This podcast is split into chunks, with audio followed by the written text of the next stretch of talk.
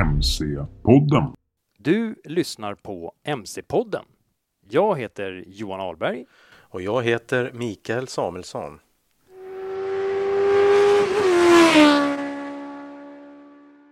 Här pratar vi i munnen på varandra i podden och ni kan ju inte gissa vem som är eh, våran härliga hojnörd, till, eller förlåt, eh, gäst eh, till MC-podden. Ja, ja, det spelar in också. Oj, titta, Ja. man får inte slå till den där. Nej. Ja, välkomna till eh, MC-podden avsnitt 12. Roligt. Tack Johan.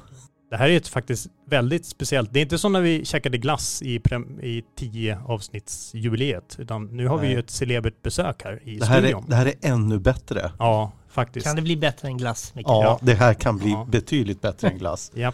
För vi har celebert besök i studion. ja, Och det är inte mindre än Björn Gunnarsson. BG som man kallas. Välkommen Björn, varmt välkommen till podden. Tack så hemskt mycket. Jättekul att jag fick komma hit. Och eh, för eh, de få som inte vet så är eh, Björn Gunnarsson en av få svenskar som ställt upp i det anrika, kan vi kalla det, TT-loppet. Isle of Man TT på skatteparadisön Isle of Man som vi finner mellan Irland och Storbritannien. Eh, många kanske känner till det här racet som det eh, dödligaste racet i mannaminne och eh, Björns eh, deltagande i 2016 års Ironman TT, det kan vi inte annat än sammanfatta som en succé. Eh, och eh, där han i sin fjärde säsong bakom styret på en 600 kubikare i supersport och lightweight-klasserna bröt sig igenom den magiska 120 miles per hour barriären och körde fortare än han någonsin gjort runt Mountain Course med ett snitt på, hör och häpna, 195 kilometer i timmen. Vi snackar 195 km i timmen i sex mil. Eller banan är det. Sen ska man ju köra det i fyra eller sex varv eller något liknande. Eh, och eh, det här, den här körningen resulterade i en fin fin 20 plats i supersport och en nionde placering i lightweight-klassen. Och jag tänkte även passa på att flika in att Björn även har det nordiska rekordet på Isle of Man TT med en snitthastighet på 198,7 kilometer i timmen. Galet är bara förnamnet. Så ja, vem är då den här galningen? Hur eh, försvarar du detta Björn? Ja, Ja, jag hör att ni har gjort er research här. Det, det är mycket, mycket tider och eh, framförallt eh, varvtiderna där borta är ju en, eh, något som det pratas mycket om och ja, eh, man eh, mäts ut efter hur pass snabb man har varit där. Från eh, generation till generation kan man säga. ja och jag tänker, eh, jag förstår ju att det här är ju, det här är ju sånt där race som eh, de flesta på något sätt ändå, lite som Dakar-rallyt, man har hört talas om det, men kanske inte riktigt vet vad det är. Men det har ändå varit ett enormt intresse på senare år framförallt allt från svenskt håll.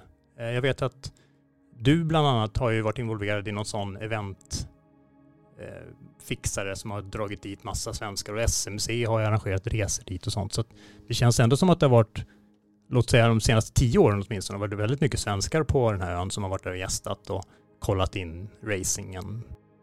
Ja, det stämmer utmärkt och jag får nog, eh, vill nog gärna tro att jag har varit med och bidragit i detta. Och jag fick ett fint eh, kvitto av de här Duke Video, de som gör de här TT-reviewerna, eh, när jag hade kört eh, nå- något eller några år där borta, som eh, sa att de bekräftade att de hade sett en markant ökning i intresset utifrån eh, Sverige eh, vad det gäller beställningar och annat sånt där. Så att, eh, det är väl så att får man en landsman som är där och, och eh, kör så då är det fler som får upp ögonen för det här hemma i Sverige Mm. och Norden. Kan vi inte börja med, för de lyssnare som inte vet vad Isle of Man är, kan du Björn beskriva eh, den tävlingen?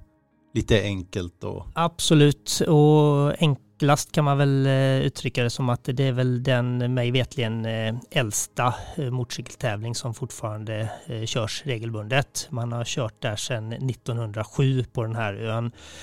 Och Eh, ja, eh, något kort eh, avbrott under världskrigen, mul och klövsjukan 2001 och sen så blev det ett par inställda säsonger här med anledning av coviden där 2020 och 21 tror jag.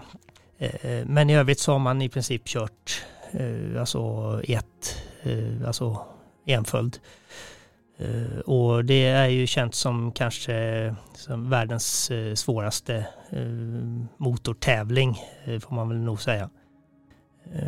Ja, den längsta banan i världen också. Det är ju dock ingen permanentbana utan den stängs ju av. Det är ju allmän landsväg som stängs av där. Man kör ett varv som går över lite drygt halva ön kan man säga. Den är inte så stor själva ön i sig. Den är två mil bred och fem mil lång. Så att då ett varv är ju sex mil så kan ni räkna ut själva. Eh, och sen är det en grym folkfest eller? Absolut. Man kör ju två tävlingar om året på den eh, banan och det är ju eh, Eh, TT1 som går på våren och eh, sen så eh, kör man Manx Grand Prix som man har kört sedan 1923 på den här sträckningen också på hösten. Och idag så har det lite amatörprägel kan man säga och man kör även en hel del Classic Racing i samband med Manx Grand Prix också. Det hette Classic TT ett tag där men nu har man valt att ta tillbaka Manx Grand Prix-namnet där på senaste åren. Här. Men jag tänker också, vi, vi pratar ju också om en ö som eh, det är ganska mycket höjdskillnader. Den kallas ju The Mountain Course, eh, alltså typ bergbanan eller vad man ska kalla det. Och den har ju fått sitt namn av att en tredjedel av banan eh, ungefär går upp över bergen. Så att jag tror eh, att höjdskillnaden från högsta och lägsta punkten på de här sex milen är eh, 420 meter ungefär.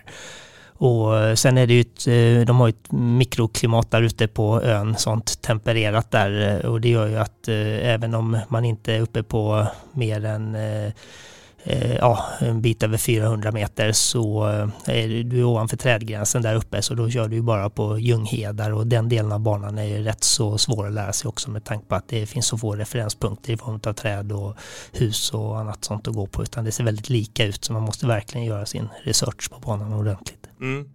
Och det var lite det jag tänkte, ska vi återkomma till lite om just hur man förbereder sig och hur man memorerar en sån här lång bana som omgärdas av taggtråd och stenmurar och ja, tänker gamla bon, asfalterade grusbondvägar skulle jag säga.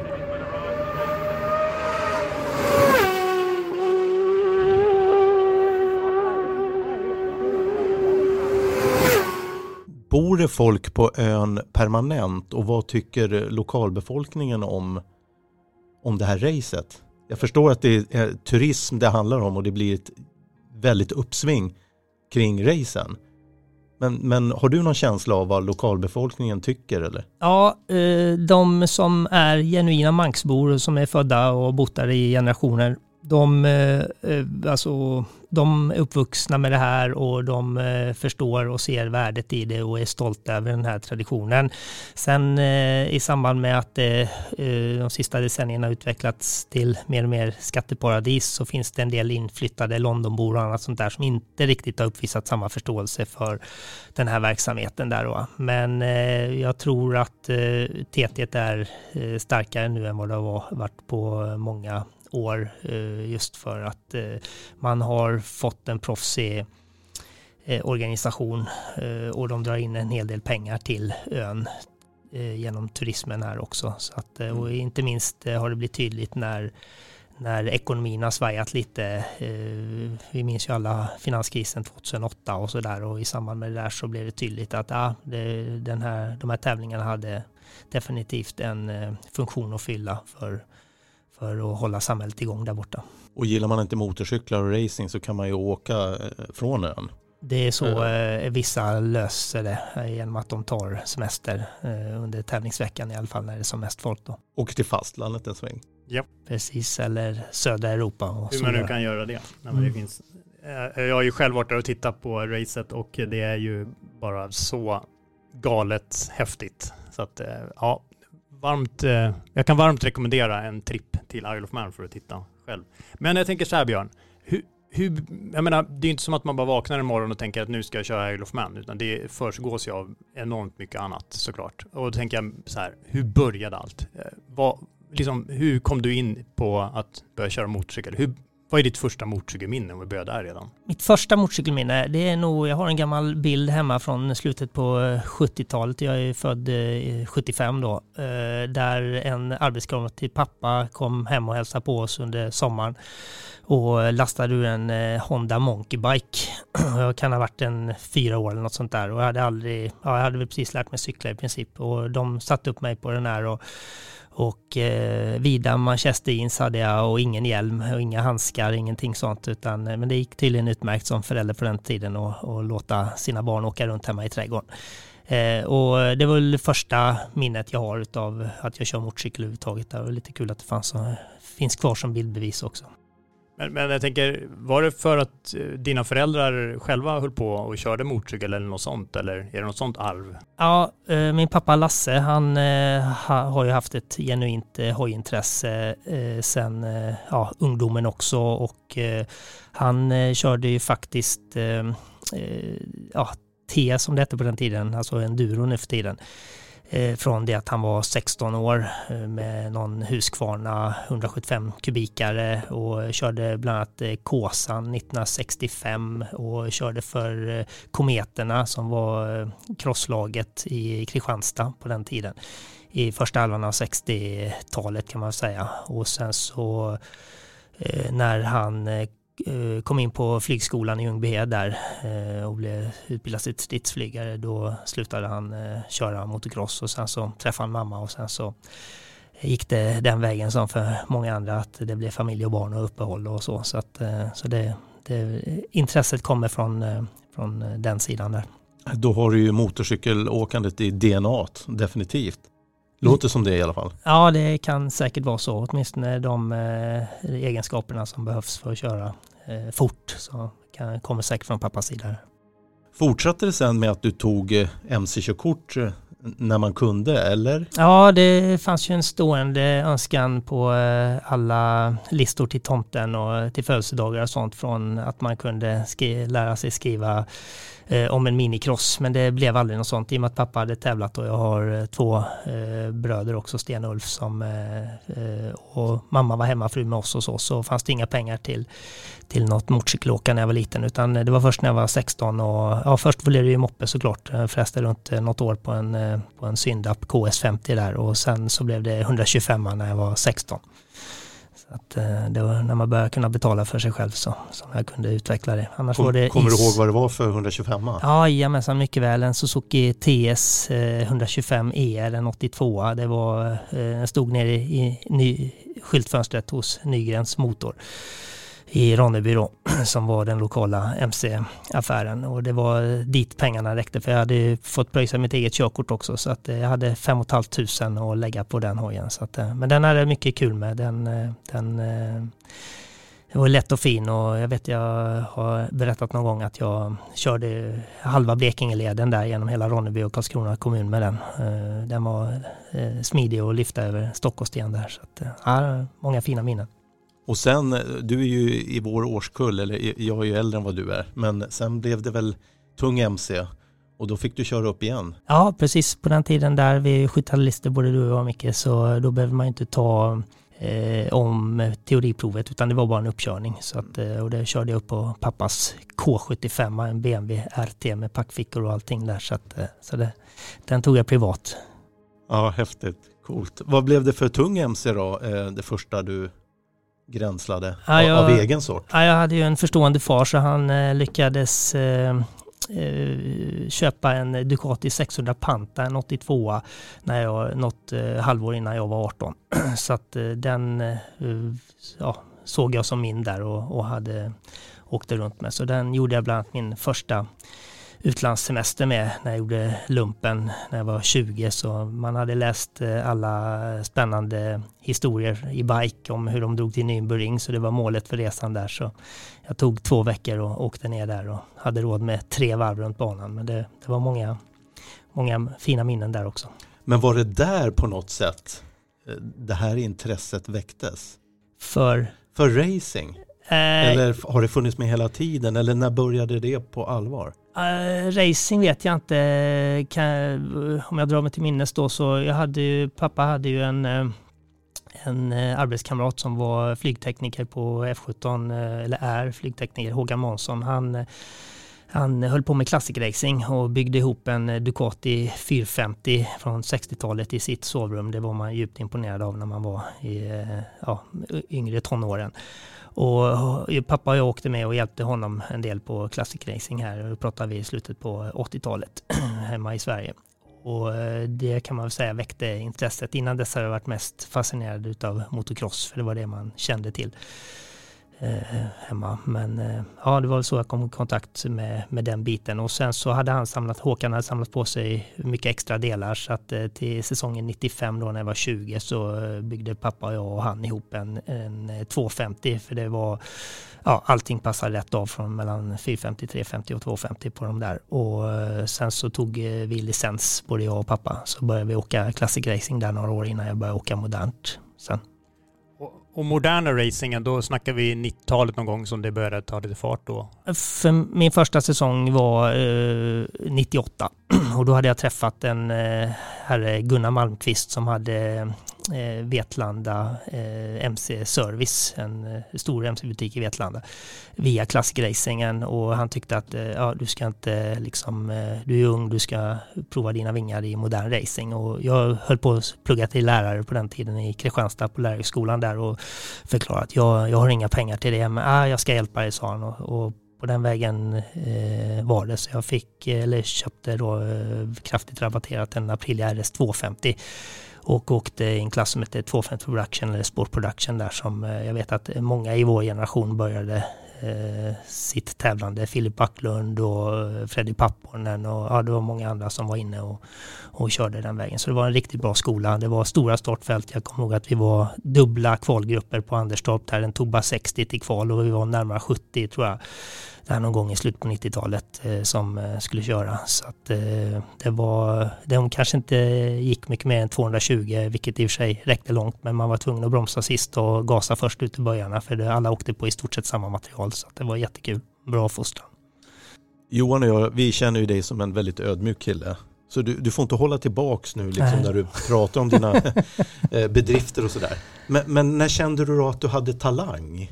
Eller kände du oh. ganska instinkt? Eh, jag vet inte om jag någonsin har haft talang mycket om jag ska vara helt ärlig. Eh, viss fallenhet har man ju såklart men eh, jag har haft förmånen att få vistas på samma banor som, som hjältar som Michael Dunlop eller Peter Hickman och, och vi gjorde ju något test där i fjol med Johan Sarko med Ducati där nere på Jerez och har man varit på samma bana med liknande material och sett de som verkligen har talang då vet man att det är skillnad på folk som kan köra motorcykel och oss andra. Ja, oss andra sen. Men jag tänker, sen, sen i alla fall, det ena eller det andra kan man säga. Och jag tänker, det, vad var det som egentligen då till slut ledde till att du började med den här så kallade real road racing eller vad man ska kalla det. Där liksom Isle of Man TT-racing bland annat. Ja, eh. det kan jag sätta fingret på direkt. Eh, och jag har ju även, jag är ibland ute, får förmånen att vara ute och föreläsa eh, kring Isle of Man och mina erfarenheter där. Och då brukar jag alltid börja den föreläsningen med att hänvisa till en film som heter The Road Racers som är inspelad i slutet på 70-talet. Jag tror den hade premiär 1980. En eh, regissör där som följer The Armoy Armada som eh, bestod av eh, Frank Kennedy och eh, Mervyn Robinson och den då relativt okände Joey Dunlop som kommer att bli den mest segerrika föraren på Isle of Man någonsin sen. Eh, och den är filmad under ett par års tid. Han följer deras vedermödor på, inte bara på Isle of Man, egentligen ingenting från själva TT-loppen, men däremot alla de här eh, lite mindre loppen som eh, finns på Irland och Nordirland och eh, ja, hur deras liksom, villkor går till. Och det som är festligt med det där är att man kan känna igen sig, inte bara i att depåerna fortfarande består till stor del av kohagar där borta, eh, utan också ja, Eh, när man har vurpat sin motorcykel och behöver komma med mössan i hand till sponsorerna för att få in lite extra pengar och kunna få ihop den och tävla till, så man kan komma till nästa tävlingshelg. Och liksom, så villkoren för en amatörracingförare är väldigt snarlika med de som är idag då. Och sen är det en fantastisk miljö också för de som inte har varit i den delen av världen så eh, eh, Irland, Skottland, Isle of Man, det är vansinnigt vackra platser att besöka så att jag kan varmt rekommendera det. Den där filmen den, eh, den gjorde starkt intryck på mig och det var där någonstans då var, kan jag ha varit i 10-12 års åldern och den, den satte ett frö och sen så lyckas man komma över någon review på på TT-loppen där från sent 80-tal och sådär också. Eh, men jag trodde ju aldrig att jag liksom skulle, det var innan jag hade börjat tävla själv, jag trodde aldrig att jag skulle få den möjligheten. Eh, men sen när jag hade kört en massa år hemma i Sverige och kört SM och liksom varit ute en del på banorna i Europa och testat och sådär så kändes det som att eh, nu hade jag samlat på mig tillräckligt med erfarenhet för att ge mig kast med den, den drömmen som någonstans har legat och grott i alla år. Men för, för alla som lyssnar som inte vet då, hur går det till? Det är inte vem som helst som får komma till Isle of Man och köra. Och vad, vad, vad, vad kostar kalaset? Oh, kostnader eh, det är något som man eh, försöker bortse ifrån för att det, och det, vet vi ju alla som håller på med motorsport att det är lite grann hur man räknar och, och vad man lägger in i en budget. Men för att om vi tittar bara på rent formkraven för att komma dit så ska du helst ha Eh, eh, ja, vara någon form av namn och kunna visa att du är aktiv tävlingsförare. Och jag tror att man eh, väl fortfarande har kvar det här kravet med att man måste ha sex målgångar inom 13 månader från det att du ska ställa upp där borta.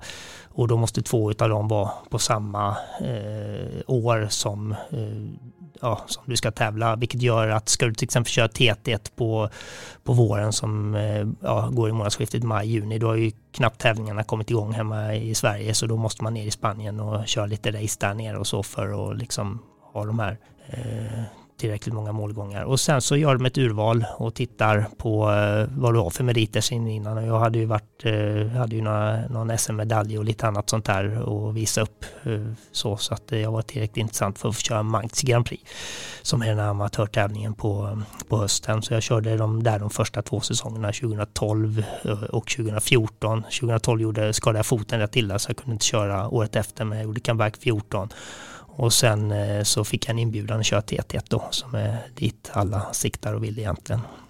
Då, när du kommer dit första året, då, då får du klä i den här rookie-västen. Och det är väl lite, får man, får man liksom en tilldelat någon slags, eh, jag ska inte säga dadda här, höll jag på att säga, men, men någon som tar hand om Mentor dig. Mentor heter men... det Johan, inte dadda.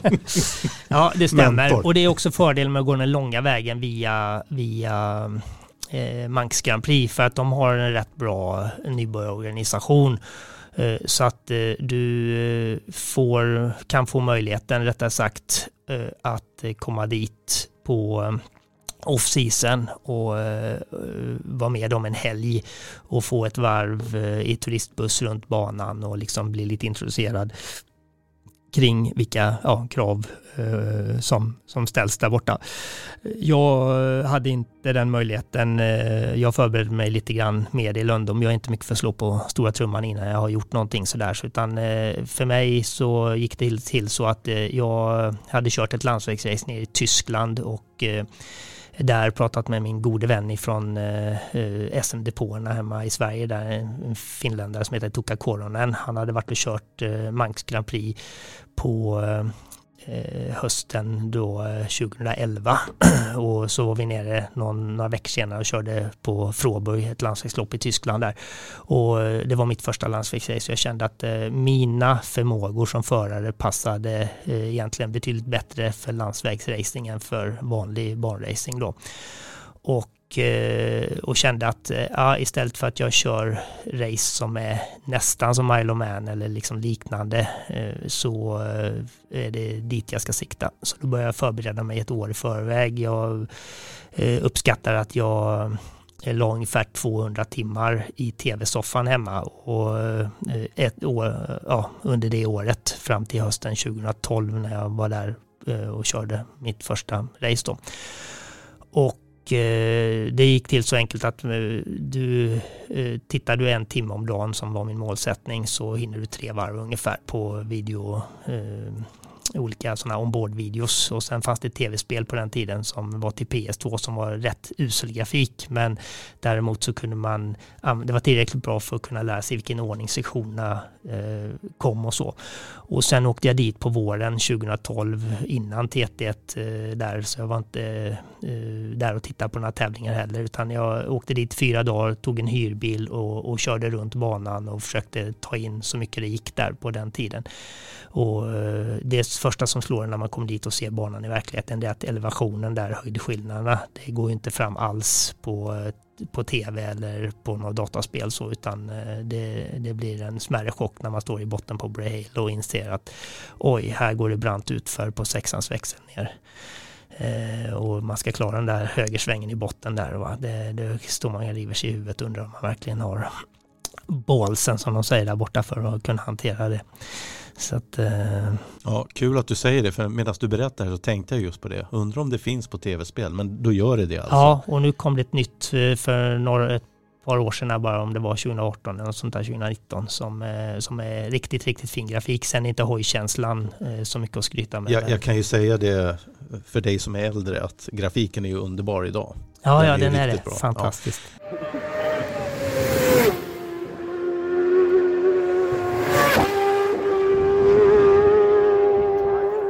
Vi introducerade ju dig med att nämna det här, dina fyra första år där i Supersport och Lightweight-klasserna. Du kan berätta lite, eh, vad, vad, är skillnaden? Supersport och sen Lightweight. Eh, jag tänker, Supersport tänker jag 600 kubikare såklart, men eh, Lightweight skulle kunna vara vad som helst egentligen. Ja, det stämmer. Supersport körs ju enligt VM-reglementet där borta, vilket innebär att det är rätt så fri trimningsgrad, betydligt mycket friare än vad det vi har haft hemma i Sverige då på den tiden vi eh, körde supersport. Eh, och eh, lightweight är egentligen efterföljaren till 250 GP. Ni kommer ihåg de här 250 kubiks eh, tvåtaktarna, tvåcylindriga som man körde i MotoGP eller GP, Grand Prix-VM som det hette på den tiden. Fram till 2009 tror jag man la ner eh, det i VM och gick över till Moto 2 då. Eh, och eh, när man slutade tillverka eh, den typen av motorcyklar så var det ett uppehåll där runt eh, eh, 2000, i början på 2010-talet när det bara fanns Supersport 600 och Superbike eller motsvarande 1000 då. Superstock 1000 och, och Superbike. Och då kände man att man ville ha en klass som kompletterade och då som, som kunde ta över efter 250 GP. Så då drog man igång det här någon gång runt 2012 eller ja, 13. Eh, och eh, då är det reglementet var, när jag körde i alla fall, nu har man luckrat upp det lite sista året här, men eh, då var det 650 kubik fyrtakt, två cylindrar. Som, och då trimmade de flesta på ER6 eller Suzuki SV650 motorer. Lite Aprilior och annat sånt där fanns det då som, som man kunde men det är väldigt fritt reglemente så att eh, de vassaste hojarna som tillhandahålls, eh, eller tillhandahålls av Ryan Farquhar var det väl som eh, byggde framförallt på ER6 där. De hade ju en bit över 100 bakhjulshästar. Så den jag körde låg väl någonstans på drygt 90, 92, 93 bakhjulshästar. Men då tänker jag efter de här åren så till 2017 då, så växlade du upp till att köra BMWs S1000 RR. Och då snackar vi ju dubbelt upp. Vi pratar ju 200 häst. Och eh, ja, betydligt mer kraft över hela alltet, hela registret och så. Jag menar, vad, vad blir liksom kontentan av det? Jag tänker, du körde ju två år med BMW då. 2017, 2018. Jag tänker, hur blir upplevelsen? Det måste ju bli helt... Om den var galen innan, vad blir den med den hojen? Ja, det stämmer. Eh, jag, det gick ju väldigt bra där som du nämnde i inledningen 2016. Och eh, eh, vi hade stolpe in med det mesta det året och det var ju då jag tog min topp 10 placering där borta också. Eh, och när jag kom hem eh, därifrån så träffade jag på sommaren på eh, årsracet, det här stora Classic-eventet nere på Linköping, så träffade jag Lennart Bäckström Bäckis som eh, själv har tävlat i början på 80-talet Porta Isle Man med Suzuki RG 500 bland annat vet jag, riktigt håriga maskiner, fyrcylindriga tvåtaktare. Eh, i depån där och eh, då hade han eh, fått kännedom om vad jag precis hade lyckats med borta på ön. Och då undrade han om inte det var dags att ta klivet upp till, till Eh, på 1000 kubikare för då hade de ju BMW S1000 R som visade sig vara en väldigt lyckad maskin för just landsvägsracing med vansinnigt mycket effekt och stabilt chassi och annat sånt. Så att de hade ju firat eh, triumfer redan, med, inte minst i händerna på Michael Dunlop där.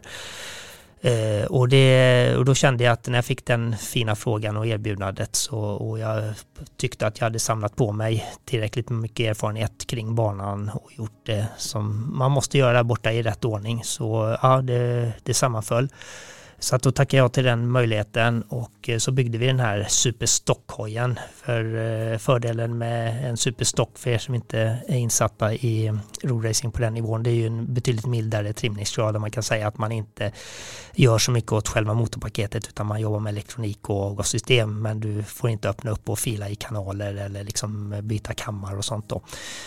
Eh, och fördelen med en eh, sån BMW det var ju att vi fick ut en bit över 200 bakhjulshästar i den. Eh, men och kunde köra i tre klasser, både Superbike, Superstock 1000 och Senior som har exakt samma reglemente som, som Superbike. Man kör i praktiken två Superbike-lopp där under tävlingsveckan.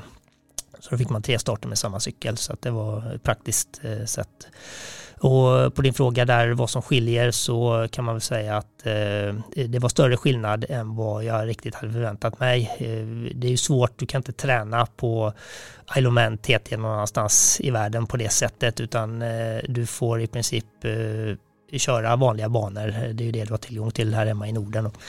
Eh, och eh, köra en skillnad på en 600 och 1000 är inte vansinnigt stor på Anderstorp. Du får bromsa lite tidigare och, och eh, du kanske har lite annat spår för att dra nytta av eh, effekten ut och kunna rätta upp lite tidigare. Då. Men annars är inte skillnaden gigantiska. Men just på Isle of Man så är det många, det går så fort hela tiden och det är många ställen där du inte kanske bromsar så mycket med en 600 eller en lightweight. Du reser upp överkroppen och använder den som, som luftbroms men nöjer dig med bara slå på gasen lite och sen är det på igen där när du är på väg in mot Apex.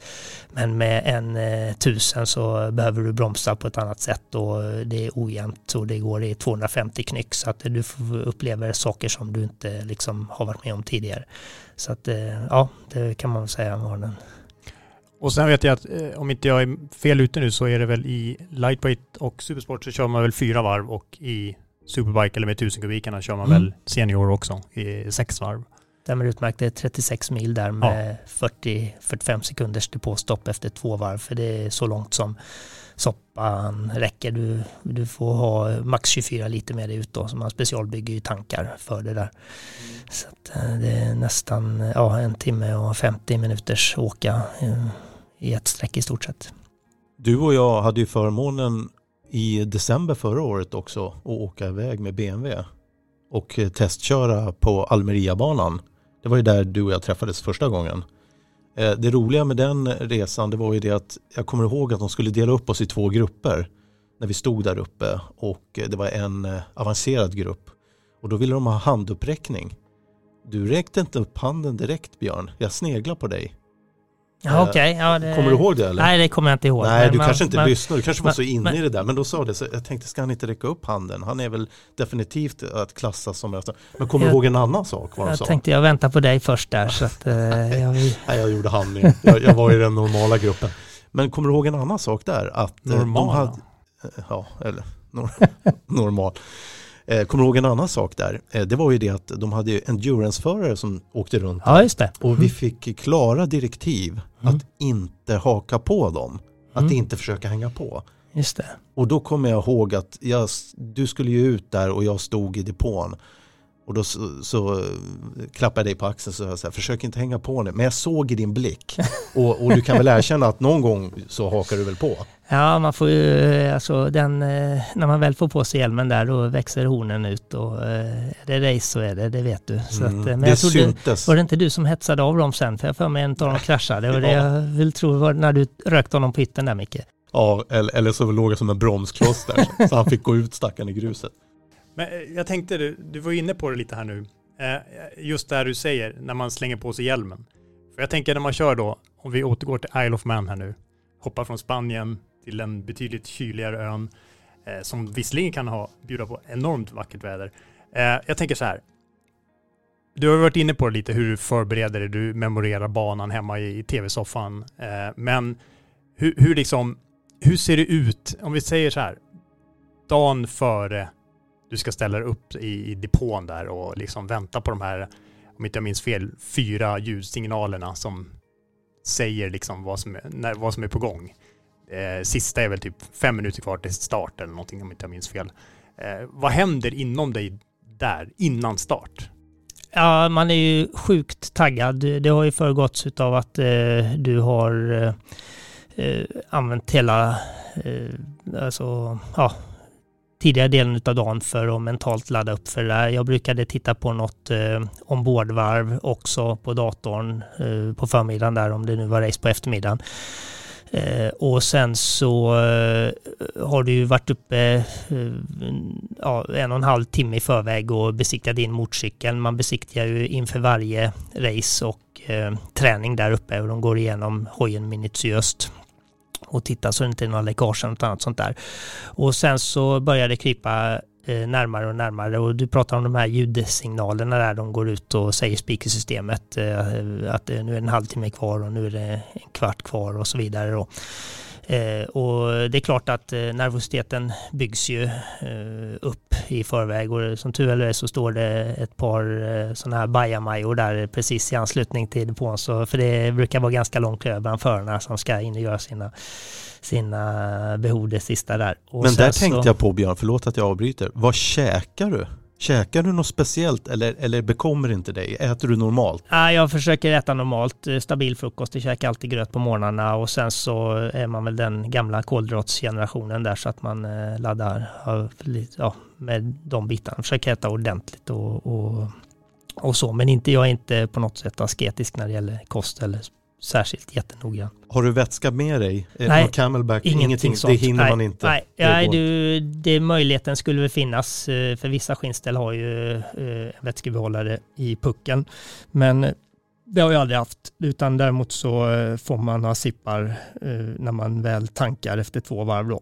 Så att, kan du dricka, passa på att dricka upp lite grann. Då. Men det har du ju laddat upp med vätska under dygnen i förväg så att säga. Så att du har bra vätskebalans. Förlåt att jag avbröt. Ta oss tillbaka till den här momentet innan där. Full fart från eller in eller ut ur bajamajan ja. och sen full fart till startlinjen. Ja, och då eh, så går det till så att eh, man har ställt upp på en lång rad eh, i den kvalordningen. För de 20 första är alltid sidade i varje klass. Och sen så är det efter vilka varvtider du har gjort under träningsveckan. För det, om inte det har framgått tidigare så har man ju en träningsvecka där man stänger av banan på kvällarna där folk får träna eh, och köra. Man brukar hinna ja, mellan ett och fyra varv beroende på eh, eh, väder per kväll. Och, så det är väldigt få varv du har med dig när du kommer ut då. och sen så Eh, och från 21 uppåt så står man efter kvaltiderna kan man säga. Och sen eh, på utsatt klockslag så drar den som är sidad ett iväg och sen så rullar det här ledet framåt och då får man fälla ner från från eh, depåstöden med att plocka bort däckvärmarna och sådär. Så att det kan ju gå för de som startar långt bak kan det gå tio minuter från det att de har tagit bort eh, däckvärmarna till de är framme och ska starta. Och sen eh, följer mekanikerna och liksom dina medhjälpare med dig fram till den här sista follan. De, eh, med tio förare ungefär som eh, ja, eh, får vänta och så startar man då med tio sekunders mellanrum. Förr i tiden startade man ju två och två, men nu för tiden så gör man bara det på träningen. Så på race så är det en och en med tio sekunders mellanrum. Och sen kommer du fram och då står den här eh, mannen, han eh, starten i vit overall och eh, lägger en hand på axeln.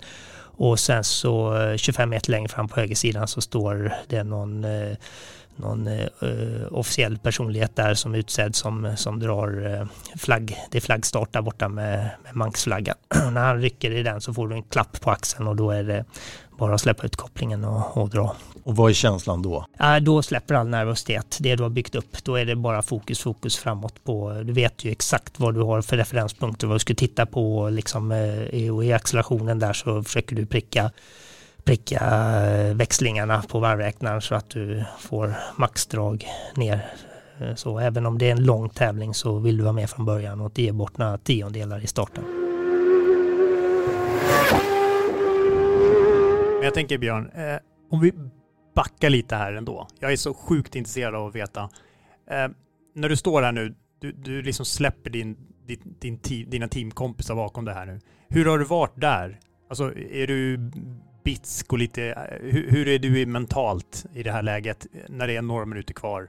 Här, om någon pratar med dig, pratar du eller sitter du i din bubbla helt tyst för dig själv? Hur är pulsen? Hur adrenalinpåslaget? Jag tänker, ah, det måste ju vara helt sjukt inombords hur det bara bubblar. Man är nog eh, alltså, självklart tagen av stundens allvar. Man vet att eh, det, alltså, det är mycket som kan gå snett och liksom sådär. Allt det där har man tänkt igenom. Man har ja, Eh, mentalt förberett sig på, eh, som har hänt mig flera gånger där borta, att man hamnar lite snett eh, träffar någon bula, får ett kronvobbel där alltså, som ofta brukar resultera i att beläggen slås ut, bromsklossarna.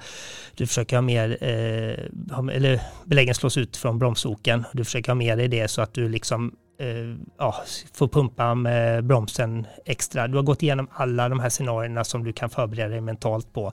Så att man inte ska liksom drabbas av panik där ute utan handla rationellt och, och vidta rätt åtgärder och kunna hantera situationen i stort sett vad du än eh, liksom råkar ut för.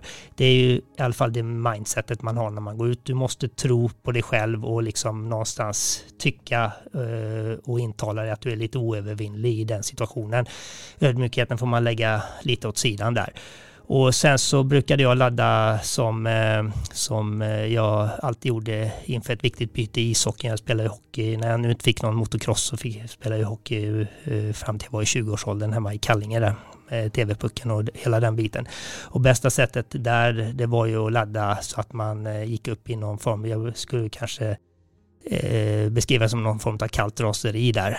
Så att du går in och är riktigt fokuserad på det du ska göra och liksom lägger all, eh, alla liksom den eh, vad ska man säga, eh, alla funderingar åt sidan utan eh, bara lösa eh, uppgiften i turordning. Men du får inte överladda så att du börjar dumma grejer eller liksom köra för mycket på, på Eh, ja, hur ska vi uttrycka det, eh, inspiration, alltså så du blir vårdslös eller så, utan du måste vara sjukt disciplinerad som Timo Lahtinen en gång uttryckte det, Malmötränaren i elitserien där på, när de vann SM-guld i början på eh, äckligt disciplinerad sa han kanske. Så att, och det är så du behöver ta dig an uppgiften. Vill jag. Har, har du någon aning? Har du har du hört eller har du själv haft någon typ pulsmätare eller någonting på det? Nej, jag har aldrig jobbat med sånt. Utan, Men har du en uppfattning? Alltså eh, är det enorm rush innan start som sen lägger sig eller hur funkar det? Ja, du, alltså visst, jag vet inte om det ger utslag, det gör det säkert på pulsmätaren, men eh, beroende på hur pass tränad du är och så, men eh, alla har väl en, en arbetspuls där som är inte jättelångt ifrån maxpuls gissar jag. Så att, eh, jag tror mm. att eh, pulsen är inte högre där än vad det är på ett eh, SM-hit. Eh, men kör. adrenalinpåslaget då? Jag tänker på innan och sen direkt efter start och sen vidare in några mil i racet. Hur det liksom ser ut i skillnader och sånt. Ja, det tar ju alltid några kilometer innan du, du vill ju liksom eh, få den här fartblindheten. Eh, så det tar ju en stund innan du eh, är där. Men framförallt så har du använt träningsveckan till att komma upp i fart som vi brukar säga. Eh, så att eh, när du väl är race då, då har du taggat till lite ytterligare så det är nog i stort sett när du lägger i femman och går över kanten nerför Bray Hill där så då, då är du inne i det. Mm. Och sen eh, tror jag, det blir ju som med allt annat att det blir en vanlig sak det också, tror det eller ej.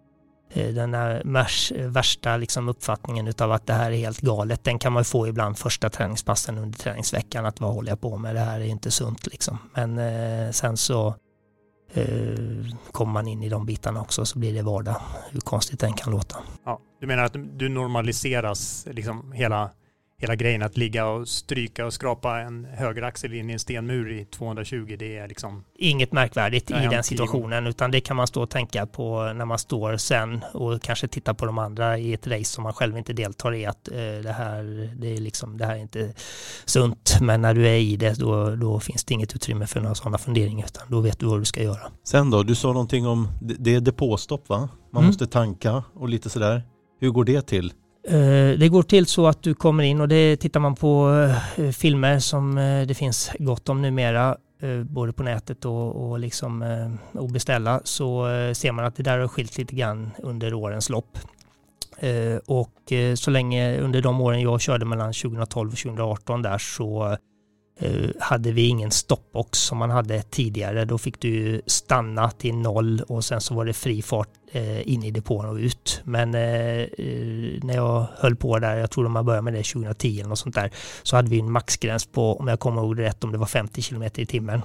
Eh, och då ställer du, du har en pit limiter på eh, de flesta cyklarna, inte lightweight jag körde utan då hade vi en eh, tejpbit på varvräknaren som jag visste att på ettans växel så, så höll jag mig på rätt sida. Men på de andra så ställer du pit limiten så att den ligger precis under då. Och då trycker du in den och då kan du inte köra fortare än hastighetsbegränsningen. Och sen så eh, tittar man på eh, filmer från depåstoppen så ser man att du, du har en väldigt liten Eh, lucka på några meter bara där det får plats en hoj för det är många, det är ju uppåt eh, hundra team som ska kunna få plats där inne i, eh, i depågatan. Och, för du har ditt eget team? Ja, precis, exakt. Nej, utan du har maximalt tre stycken mekaniker och medhjälpare som du får ha i ditt team där. Och det som man har börjat med eh, Eh, också sen x antal år tillbaka, typ ett 20-tal kanske, det är ju att det, hänger sådana här, eh, eh, ser ut som rostfria sådana mjölkkannor upp och nervända som rymmer 40 liter bensin. De fyller man med max även om det bara ryms 24 liter för du vill ha atmosfärstrycket för det, eh, och få det att rinna så mycket som möjligt ut då. Och sen är det en, anslutet en, eh, en, en, slang och ett vanligt sånt pistolmunstycke som vi har på vilken mack som helst. Och eh, då, eh, så eh, det som begränsar depåstoppet det är hur lång tid det tar att fylla dina 20 liter som det är i 600-klassen och 24 i, i Superbike. Då. Och det brukar vara ungefär 40-45 sekunder. Och på den tiden så har du Kör du 1000 kubikar så vill du byta ett bakdäck också. Framdäcket är nästan aldrig i luften, eh, eller i marken på den banan. Det är mest i luften. Det är så ojämnt där. Så att det, det kan, eh, det, det är inget slitage på det. Men bakdäcket tar mycket stryk.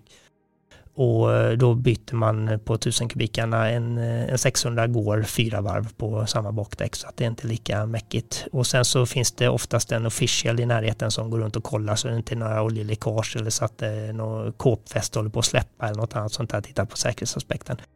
Och eh, i mitt fall där så hade vi tydliga roller där. Vi hade en tankare och en som försåg mig med dricka, dricka flaska och putsade i kåpglaset och sen så hade vi en mekaniker som tittade över så att eh, ja, eh, kedjespänningen såg schysst ut och liksom allting annat såg, såg friskt ut. så på 45 sekunder ska hinna dricka liksom och, och ja. fixa till dig? Jajamän. Men då är det bara en slang in i munnen och dricka så fort det går? Precis, exakt. Och sen är det fullt påslag igen då? då. Och, och, jag tänker då, du, du går in i den här konen, den här magiska zonen och bara, allt bara flyter Eh, Eh, ja, allt bara funkar. Det känns helt perfekt. Och så plötsligt så kommer den där jäkla gula flaggan. Eller ännu värre röda såklart, men, men eh, gula flaggan. Hur, hur känns det liksom? Hur uppfattas det? Jag tänker, uppfattar man det direkt då? Eller liksom, hur mycket av det som är runt omkring dig ser du ens överhuvudtaget? Ja, det är ju också en konst som man får eh, Eh, utveckla där borta och det är att ta in alla intrycken som är runt om. Och eh, jag tror att jag har fått höra någonstans att det, det går åt ungefär 600 flaggvakter runt banan. Nu står de inte en och en då, så det blir inte en per 100 meter, men, eh, men för att kunna köra en träning och tävling där borta. Och det är definitivt flaggsignalerna är ju det sättet som de kommunicerar med föraren på. Så att det betyder ju något eh, som man inte får missa eller bomma. Och de har ju speciella flaggor som vi inte har eh, hemma i Sverige. Till exempel regnflagga och annat sånt där. För det är inte ovanligt att det regnar på en del av banan och det är torrt på resten. Eh, men det är mycket andra parametrar att ta in också när du kör. Det kan vara eh, vinden, det blåser en hel del där ute och vinden har betydelse. Du har ju säkert sett Johan och, och eh, att det är hopp på många delar av banan och där kan, ligger vinden på, ja, då kan du kanske behöva vara på, på andra sidan av mittlinjen i uthoppet för att du kanske ja, det blir någon form av vindavdrift där och, och sådana här saker. Så att eh, det är sådana grejer. Eh, Windy corner uppe på berget är ju ökänt för att eh, ligger vinden fel där så kan den flytta cykeln en meter i sida för dig utan att du fattar vad som händer när du kommer ur en, eh, en, eh, i skydd av en jordbank där och plötsligt så, så tar vinden tag i cykeln och så. Då måste du planera ingången i den kurvan så att du inte ligger för nära kanten för då blåser du ner i diket. Eh, det är mycket sådana där grejer. Det kan vara eh, en lukt utav eh, olja som signalerar att det är någon medtävlare framför dig som har fått ett, alltså sprängt en motor som kanske inte funktionärerna uppfattat. Alltså det är tusen grejer att, att ta in på en gång där. Och första varvet, du har inget sighting lap som man har på eh, ett SM till exempel, utan eh, du får ju en ljusskylt innan start där det står att det är vattenpölar mellan, eh, ja vad det nu kan vara, Ballacrane och, och Cronkywood Straight är inte helt ovanligt, den här lummiga delen efter en fjärdedel in på varvet ungefär. Och då måste du komma ihåg det och så får du liksom köra eh, vart efter första varvet, för det är första gången du ser banan den dagen. Det kan ju ha hänt mycket, det har varit vanlig trafik där, det kan ha varit en bonde som har eh, fått ett eh, alltså, oljeutsläpp på sin traktor och sånt där sen du körde där eh, dygnet innan. Så att det är mycket sådana där grejer. Och sen så när du har kört ett varv, då vet du om det är något som sticker ut utöver det vanliga då. Men eh, sen kan man råka ut för sådana sjuka grejer som jag vet jag något år så runda, fick jag ju runda en fasan nere, nere i Griva Bridge som jag inte fick någon flaggsignal eh, på och så också. Det stod den där mitt på banan, mitt i idealspåret då. Va? Så att det är sådana här grejer. Du kan banan och, och du vet precis hur det borde se ut men du kan aldrig slappna av och liksom förlita dig på att du vet vad du har utan det kan dyka upp nya grejer hela tiden. Intressant att du säger runda en fasan i 200 km i timmen. Ja, men det, det är bra. Men jag tänker just på de här partierna du nämner. Var, var liksom, jag vet själv då när jag var där 2007 och kollade eh, hur jag stod uppe på där den här höghöjdsbanan korsar. Vi pratade lite om det tidigare här när mickarna var avstängda. Hur du liksom rundar högen där och ska snabbt över vänster samtidigt som du ska försöka konstra över den här järnvägsrälsen och sen vika till höger direkt och det går ju inte långsamt. Eh, eh liksom, eh, hur, hur, är känslan när man kommer på hojen där? Jag har ju bara stått på sidan och tittat på liksom. Ja, eh, just den biten är väl faktiskt inte jättemärkvärdig. Det är treans växel på en tusen genom den vänster-höger kombinationen där och du har cykeln någorlunda upprätt när du passerar. Det är en elektrisk järnväg faktiskt som de har haft upp till toppen av eh, Isle of Mans högsta berg, Snefäll där, som har funnits sedan 1880-talet tror jag. Så riktigt häftig, den är fortfarande igång eh, så att man kan åka upp som turist där också. Eh, så att eh, den, eh, ja, det är väl inga, inga jätteproblem just i den sektionen. Men jag tänker då, vad, vad, vilken tycker du är den klurigaste passagen som du alltid haft lite sådär, mm, jag skulle vilja det, få till lite bättre? Den som man bygger upp Eh, som man alltid har en klump i magen inför, eller i alla fall jag, det är ju eh, Bottom Bottom Barry Garrow Det är en riktigt hårigt ställe. Ser inte så märkvärdigt ut när man tittar på ombordfilmer på en hoj som är eh, eh, rätt injusterad. Men där har du en rätt så brant nedförsbacke som eh, du kommer på sexan med en 600 och sen så växlar du ner till femman precis innan och sen så eh, siktar du in, det är en mörk vänsterkurva. Problemet är att det är som ett litet eh, hål så du hoppar ut med nedlägg och sen så bottnar den ur fram och bak och det är inte ovanligt. Det har hänt 2018 vet jag i Super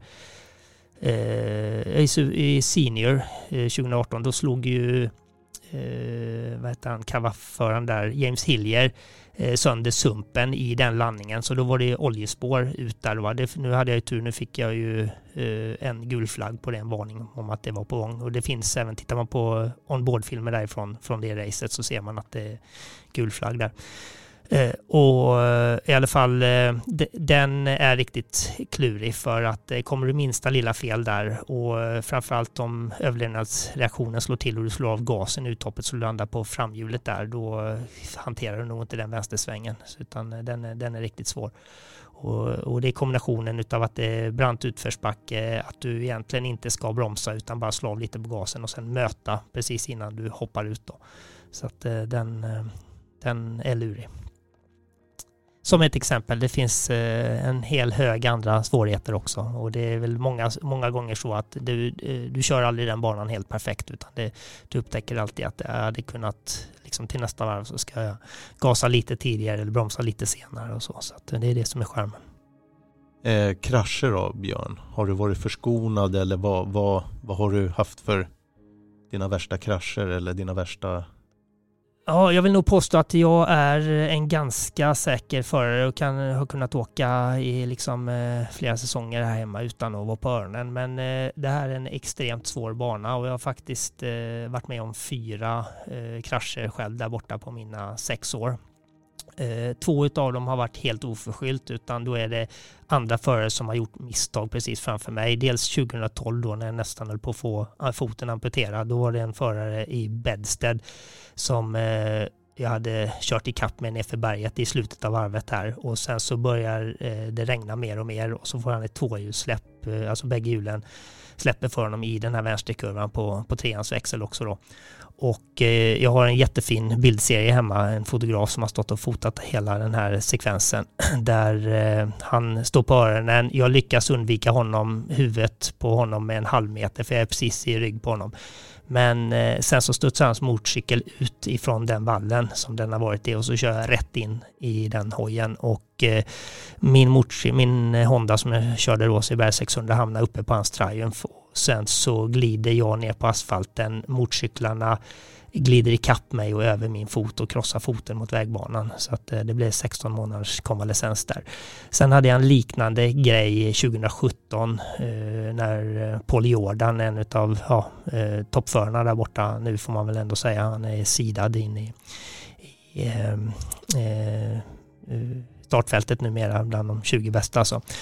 Och eh, han eh, gjorde väl något av sina första år, var oerfaren, låg före, kom alldeles för snabbt in i Glen Helen eh, och drev ut och eh, gjorde en liknande krasch som, som eh, jag var med om 2012 då, där han rev ut en höbal eller ja, en skumgummibal som jag kör in i, eh, slår en frivolt och får en nackskada som gör att jag inte kan eh, köra tävlingsveckan sen då. Så att eh, 2017 var väl ett riktigt fiasko ur den aspekten.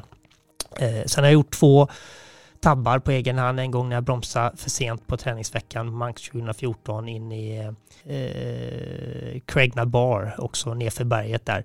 Eh, och eh, det var ja, en egen tabbe, ingenting att skylla på. Kom lite, lite för snabbt in och fixade inte svängen så jag gjorde en, eh, en liten eh, lågfartsvurpa där eh, i slutet där.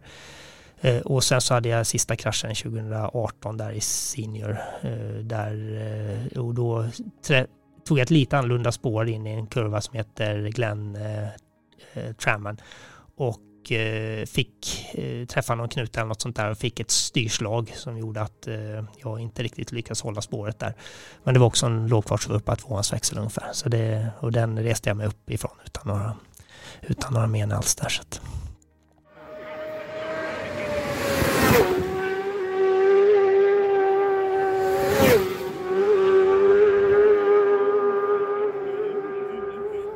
Ja, man blir ju onekligen väldigt sugen på att dra till Isle of Man. Jag har inte varit där Johan, men det har ju du. Och jag vet att du och jag har pratat om det, att åka till Isle of Man och uppleva den här, eh, det här racet. Mm. Men vad, vad, skulle du säga till lyssnarna? Alltså, jag känner lite så här. Jag har ju själv kört sjukt mycket hoj eh, och en hel del i ohälsosamt hög hastighet på alla möjliga ställen. Och eh, någonstans i bakhuvudet har ju alltid det här racet, Isle of Man TT, funnits där. Man har ju haft någon så här, jag har aldrig hållit på på den nivån och tävlat i roadracing eller någonting sånt. Man har bara kört på väg. Men man har ändå alltid tänkt tanken kring att undra hur det skulle vara att köra där. Så då när jag var där som åskådare eh, och, och, och ser det här med egna ögon, det är först då man verkligen inser hur galet det ser ut att vara i alla fall utifrån sett. Nu hade jag ju den fantastiska förmånen att eh, guidas runt på den här ön av en riktig sån här eh, ikon eh, i eh, foto och skrivarsvängen, Mac McDermid som är, bodde eller bor, jag vet faktiskt inte, på den här ön då. Och så när jag var där fick jag uppleva massa saker, fick träffa lite TT-förare och ja, uppleva det ganska så här nära, var inne i depån och lite sådana grejer. Så det var väldigt spännande. Och där då så fick jag, kan jag berätta en liten rolig grej. Det var, jag var ju där då, jag och min eh, nuvarande fru, vi förlovade oss Eh, på den här ön. Och eh, hur som helst så vi gick runt där i depån och då sitter ingen mindre än Giacomo Agostini, eh, eh en riktig ikon, en riktig legendar som har massa TT-segrar och enormt mycket andra GP-segrar. Du, du, vet vem det är Björn? Ja, det, du känner till det vet de flesta vem Ago är. Aha. Ja, och han har ju en ett rykte om sig att vara en riktig klassisk italiensk kvinnokar. Och eh, han, eh, man kan säga att han högg ganska snabbt på min fru eh, som helt plötsligt, innan jag visste ordet av, så var det en, eh, någon kollega till Giacomo där som eh, kom fram till min fru och bad henne följa med honom, vilket hon gjorde. Och eh, innan jag visste ordet av så satt hon i Giacomos knä. Och eh, det hela slutade med att eh, Hon stod där både med hans telefonnummer och hans autograf med, ritad med spritpenna på hennes jeans. Så ja, sen vi, vi är fortfarande tillsammans. Ja, ja. jag tänkte fråga det. Är ni fortfarande gifta? men, nej, men i alla fall hur som helst, eh, borta från det sidospåret eh, så det, det, är ju liksom en riktigt, jag kan verkligen varmt rekommendera att åka dit. För det är ju både också rent ska man kalla det, ur ett turisthänseende så är det en fantastisk fin ö. Vi hade ju turen att vara där, det var fint väder under större delen och eh, det är inte för inte som den kallas Gröna ön. Så att det är riktigt fint och grym, häftig racing. Jag brukar avsluta mina föreläsningar med precis det du är inne på här Johan. Jag rekommenderar ingen att tävla där borta. Det, ska man göra det så måste det komma så starkt inifrån en själv att man är beredd att, att göra alla uppoffringar och ta de riskerna som krävs och så. Men däremot åka dit som åskådare, det är magiskt häftigt. Och ön har ju otroligt mycket mer än bara racing att bjuda på. Så att man ska se till att ta och avsätta ordentligt med tid både före och efter så man liksom hinner uppleva allt annat som, eh, som ön kan bjuda på i form. Inte minst eh, har de en väldigt stolt och, stolt och stark vikingatradition där borta som de gärna visar upp på mycket fina museer och ånglok och, och som var inne på den elektriska järnvägen som går kors och tvärs över ön och så. Så att det är riktigt häftigt. Ja, men då åker vi dit snart Johan. Ja, det låter som en bra idé tycker jag kanske nästa avsnitt här eh, för MC-podden eh, görs från Isle of Man, ja, även om det är off-season. Ja. Det vore nice. Det körs ju som du var inne på tidigare i, i slutet av maj börjar kvalen och sen så fortsätter in i, i början på juni där. Det är väl egentligen en veckas kval och en veckas race kan man väl kort enkelt beskriva det. Stämmer bra. Eh, men jag tänker på hur, ser liksom ditt MC-liv ut här hemma till vardags? Hur, liksom, vad är det för typ, håller du på med för hojåkning? För jag vet, Eh, du är ju också motorcykelpolis och det är ju antagligen ingen slump att du råkade bli MC-polis. Du är ju ordningspolis men MC-körandes. Och sen så har du ju ett sidouppdrag åt Altum MC som testförare. Så du, jag, ser ju dig och hör, du är ute och flänger på två hjul mest hela tiden verkar det som. Och ja. så kör du massa classic racing också, tror jag uppe på det. Ja, det stämmer. Jag eh, har ju kommit på att eh, meningen med livet är att köra så mycket motorcykel som möjligt i alla möjliga sammanhang. Så att eh, det är så jag försöker planera och inrätta min tillvaro. Och du är helt rätt ute där. Jag har ju jobbat som polis sedan i början på 2000-talet där och gick min egen MC-kurs 2009 och jobbat mycket som instruktör sedan dess. Så att jag har ju eh, möjlighet att få utlopp för de här behoven även på arbetstid. Och eh, för övrigt kan jag tillägga då att eh, vi är i behov av fler poliser så att eh, jag tror att det är många hojåkare som fyller profilen där. Man eh, måste gilla det här oförutsedda och lite, ja, lite spänning i tillvaron helt enkelt där. Va? Så att eh, är det någon som eh, går i de tankarna så kan jag ju bara uppmana er att söka polisskolan och sen så ser jag varmt fram emot att få er som deltagare på någon av MC-kurserna. Det polisiär mc-förare och själv, eh, man kan ju välja antingen att jobba inom trafikpolisen eller som jag själv har gjort i alla mina år då, som ordningspolis på två hjul. Vad, vad kör du för hoj i tjänsten? En eh, BMW eh, GS är det, 1200 GS. 1200 GS. Mm. Eh, och sen så eh, får jag väl eh, citera eh, Joey Dunlop som vi var inne på lite tidigare här också. Han lär ha sagt någon gång att the TT made me. Och så eh, får jag väl eh, kanske säga att min tillvaro utvecklats också för att jag har gjort eh, en del på två hjul i andra sammanhang på racerbanor och har något SM-guld och lite sånt där hemma i byrålådan. Men eh, det är det ingen som har koll på eller ja, det är många andra som har också här hemma utan det som eh, jag har så att säga blivit känd för om det nu är rätt uttryck. Det är just det jag gjort på ön där och det har ju renderat i Eh, en del eh, roliga uppdrag att jag fått möjlighet att, att köra dels häftiga tävlingsmotorcyklar och, och, komma med i sammanhang nu. Jag och eh, mitt endurance-team som jag kör ihop med då som drivs av Humlan och Patrik nere i Halland, One Endurance. Vi siktar på att försöka köra spa nu i sommar. Eh, en eh, eh, tävling, ett sånt där sex timmars endurance för att ha tävlat på den banan. Det är en höjdpunkt framöver och sen så har vi det som du var inne på Johan med skrivuppdragen för Allt om MC där som är fantastiskt kul att få en möjlighet att prova nya motorcyklar i, i spännande miljöer och ja, hålla sig ajour där och jag har upptäckt att jag tycker det är nästan lika roligt att skriva om hojar som, som jag tycker det är att köra dem. Så att, eh, det sätter jag värde på. Och när det gäller de uppdragen, finns det något speciellt uppdrag som, som du kan dra dig till minnes, något extraordinärt? Ja, vi har ju fått, eh, jag har ju haft förmånen att få köra ikapp med bägge er, fast i olika sammanhang nere på Almeriabanan. Det var väl eh, en, något minnesvärt att komma ihåg, eller hur mycket? Och eh, sen så eh, var det ju häftigt när eh, vi var nere och körde Ducatis V4 S här på Jerez i förfjol var det väl ihop med Johan Sarko som föråkare på banan. Eh, det var en sån grej, men en, en sånt minne som, eh, det behöver inte alltid vara så stort och, och liksom eh, svulstigt utan när jag fick låna en Java 350 och köra runt tre dagar i Skåne med 27 hästar eh, med öppen hjälm och skinnpaj. Det är en av mina absolut roligaste uppdrag som blev en, tycker jag, trevlig artikel i tidningen sen också. Det, det, där kan jag verkligen skriva under på också, att det behöver inte alltid vara den värsta hojen eller den, den bästa miljön. Utan det är själva eh, där och då som kan få den här underbara upplevelsen av att färdas på två hjul. Men, men jag tänker på, eh, du har ju varit inne på det, du, har ju ändå, du kör ju GS i tjänsten som MC-polis. Men jag tänker på, eh, man kan ju få en bild av att du är hårdkokt roadracingförare. Men jag vet ju, jag har ju sett dig ute på endurospår och crossbana, jag kommer inte ihåg var vi var någonstans. Det var någonstans utav Eksjö senast vi sågs med någon kava-provkörning. Eh, jag tänker, hur, stor del av ditt liv spenderar du på grus? Jag vet också att du gick på någon kurs med Anders Eriksson här i höstas, eh, sjufaldiga världsmästaren i enduro.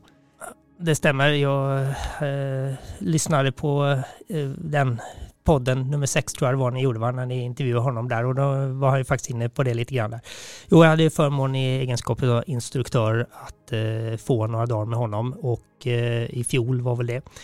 Och jag kan väl säga att jag har aldrig ägt en cross eller en durocykel. Däremot så har jag kört en hel del eh, offroad-hoj då och sladdat runt för nöjes skull. Men eh, det öppnade ögonen lite grann de här dagarna med Anders. Som, han är ju en otroligt duktig pedagog ihop med sitt team där. De är några stycken, jag kommer inte ihåg vad de andra killarna hette. Men eh, det gav så mycket mer smak så att nu, det kan jag väl avslöja nu, det är inte så många som vet om det än, men vi har en ambition, eller jag har en ambition att ja, fördjupa mig lite grann i det där. Så att eh, jag tillsammans med eh, Altom MC där jag ska skriva och sen har jag fått bra stöd av KTM också då. Så ska jag försöka köra Gotland i höst där. Så att eh, då Eh, det ska bli spännande och eh, det är absolut ut underground liksom perspektiv då som nybörjare och, och försöka lära mig den här sporten. Jag har ju rätt mycket asfaltserfarenhet men det här blir något helt nytt och, och jag är som ett barn på julafton här för att försöka lära mig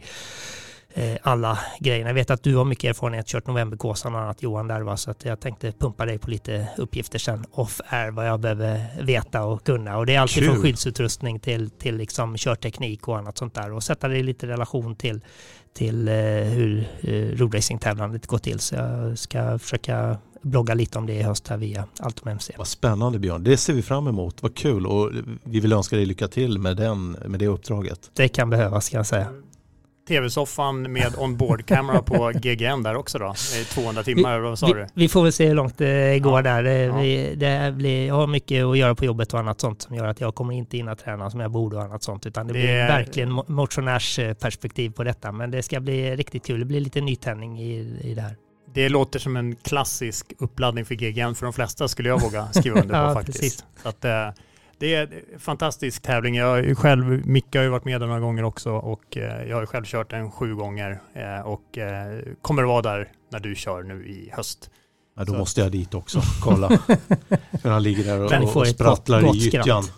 ja, Men jag, skulle, jag tänkte på det faktiskt att vi har ju varit inne på det lite sådär, att det här med säkerhet och osäkerhet och allt sånt. Men jag tänker på, om du skulle få komma med några tips. Jag vet att vi off air så att säga har pratat lite om det här med eh, handskar och inte och sådär. Man ser eh, folk där ute som kanske inte riktigt tänker sig för fullt ut när det gäller skyddsutrustning. Och jag vill inte alls vara någon präktig eh, predikande människa här nu, men jag tycker att vissa saker känns lite onödigt på något sätt. Hur ser du på det med typ, eh, vad brukar du se där ute när du åker som du reagerar på? Ja, för mig är ju, och för de allra flesta, tack och lov, så är ju hjälmen självklarhet. Men det som i så fall förvånar mig, jag vet inte om det är, du, om det, är det du är ute efter just nu Johan, men det som jag brukar reagera på i så fall, det är ju när jag ser eh, folk som kör utan handskar. Det är ju eh, det, är ju det första man tar emot sig med när man åker omkull. Och eh, jag gissar, utan att vara någon expert på sjukvård eller så, men det finns en anledning till att det finns eh, hjärnkirurger och att det finns en avdelning för handkirurgi. Det är förmodligen för att det är rätt eh, svårt att få ihop. Det finns väl mig vetligen inga ingen speciell fotkirurgi eller knäkirurgi eller höftkirurgi på det sättet utan det är väl mer allmän kunskap bland kirurger. Men just eh, och händerna är ju så viktiga för allt vi tar oss för i, i våra liv med yrken och, och fritid och annat sånt där. Så att, att eh, folk inte är mer rädda om dem och se till att ha riktiga handskar det är väl det som i så fall kan förvåna mig mest. Mm. De kanske har glömt att stänga av handtagsvärmen eller så har de problem med handsvett, jag vet inte. Men jag, jag kan ju säga att Eh, ett tips är ju att ha flera handskar helt enkelt, olika par. Varma, fodrade men också ha ett par riktigt tunna, välventilerade så är problemet borta. Även en riktigt varm sommardag. Och, och det finns ju sådana här racehandskar som är så, det känns ju inte som du har handskar på dig. De är ju otroligt bekväma så att jag menar det kan ju inte vara något annat än, jag vet inte vad, lathet eller äh, Ja, och så kan man lägga till det också att eh, eh om man då, eh, för oss som har kört en hel del hoj, så eh, om man börjar komma upp i åren så kommer ju eh, krämporna här och jag är själv opererad för vibrationsskador i nävarna och har man något mellanlägg i form av eh, handskar, jag kör själv med sån här neopren eh, skumgummi handflator man kan enkelt ta på sig och, och stoppa i vilka handskar som helst då, va? för att dämpa den typen utav, eh, utav liksom långvariga problem som man kan få också. Och ni känner, reumatism är ju inget obekant för hojåkare heller som inte har skött om nackdrag, eh, alltså ja, eh, se till så att man skyddar sig från fartvind och annat sånt där. Så det finns många bra anledningar att använda handskar. Något mer du kan komma på rent säkerhetsmässigt där som du vill lyfta fram? Ja, det är väl aldrig eh, ryckas med i andras körning utan att man kör efter eget huvud och liksom sina egna begränsningar och, och försöka Eh, bevara ödmjukheten även om det är otroligt roligt att köra hoj och självklart jag vet ju hur skoj det är att mäta sin förmåga med andra och sådär men gör det på ett klokt sätt och på rätt ställen så är det inga problem. Ja Johan, innan vi kör tio snabba med, med BG här, för det ska vi ju göra. Då ja. skulle jag vilja fråga dig, vad kör du för hoj privat? Äger du några hojar? Ja, Eh, ja. eh, Några hojar sa jag nu, för nu tänker jag per automatik att du har fler hojar. Men har du det eller har du någon privat hoj? Någon liten ögonsten i garaget? Ja, vi har en bunt. Nu har ju haft tur och träffat eh, Karin här, min sambo, via, via eh, också Isle of Man-tävlandet. Så jag har eh, racingen på ön och tackar för, för att jag lär känna henne också. Vi har en, ett tiotal cyklar ihop där. Eh, och eh, ja, för att nämna några, dels har jag kvar mina tävlingshojar, dels den här sista S1000 här, den står på museum nere i Svenljunga. Eh, och sen har jag eh, CBR Hondan, CBR 600 där som jag också haft med eh, som eh, på ön och kört eh, en massa race med där. Eh, och eh, sen har jag en utav de roligaste cyklarna i garaget. Det är min KTM 690 och flodhojen som jag har sladdat lite grus med. Och eh, förhoppningsvis så står det en, eh, en 250 EXC KTM i garaget här inom kort också. Så jag ska lära mig enduroåkande jävla konstig. Sen har eh, Karin, hon har en Benelli, en 3K tror jag den heter, 900 kubikare, trecylindrig, lite grann som en Multistrada, ett italienskt udda-märke. Som gör att vi kan vara med i Benelli-klubben båda två. Att, eh, åka till Italien på höstarna och, och träffa våra vänner där nere i den italienska Benelli-klubben. Eh, sen har jag faktiskt kommit över, och det var i samband med en provkörning för Altom MC för några år sedan, en, eh, en gammal polishoj, en BMW R75-5 som gick eh, sina första fem år mellan 71 och 76 nere i Malmö, i polisdistriktet där nere. Som jag och min eh, kompis Henrik Karlgren som var mekaniker åt polisen på eh, 70 80-talen. Ja, men det, Jag det har där har du visat bilder på Ja, det för har jag mig. gjort precis. Du har ju jajamän. den här tidsenliga utrustningen Exakt. också. Jag hade haft sån tur eh, via eh, bekanta i eh, MC-polisveteranerna som föreningen heter, där man kan gå med om man har klarat MC-poliskursen.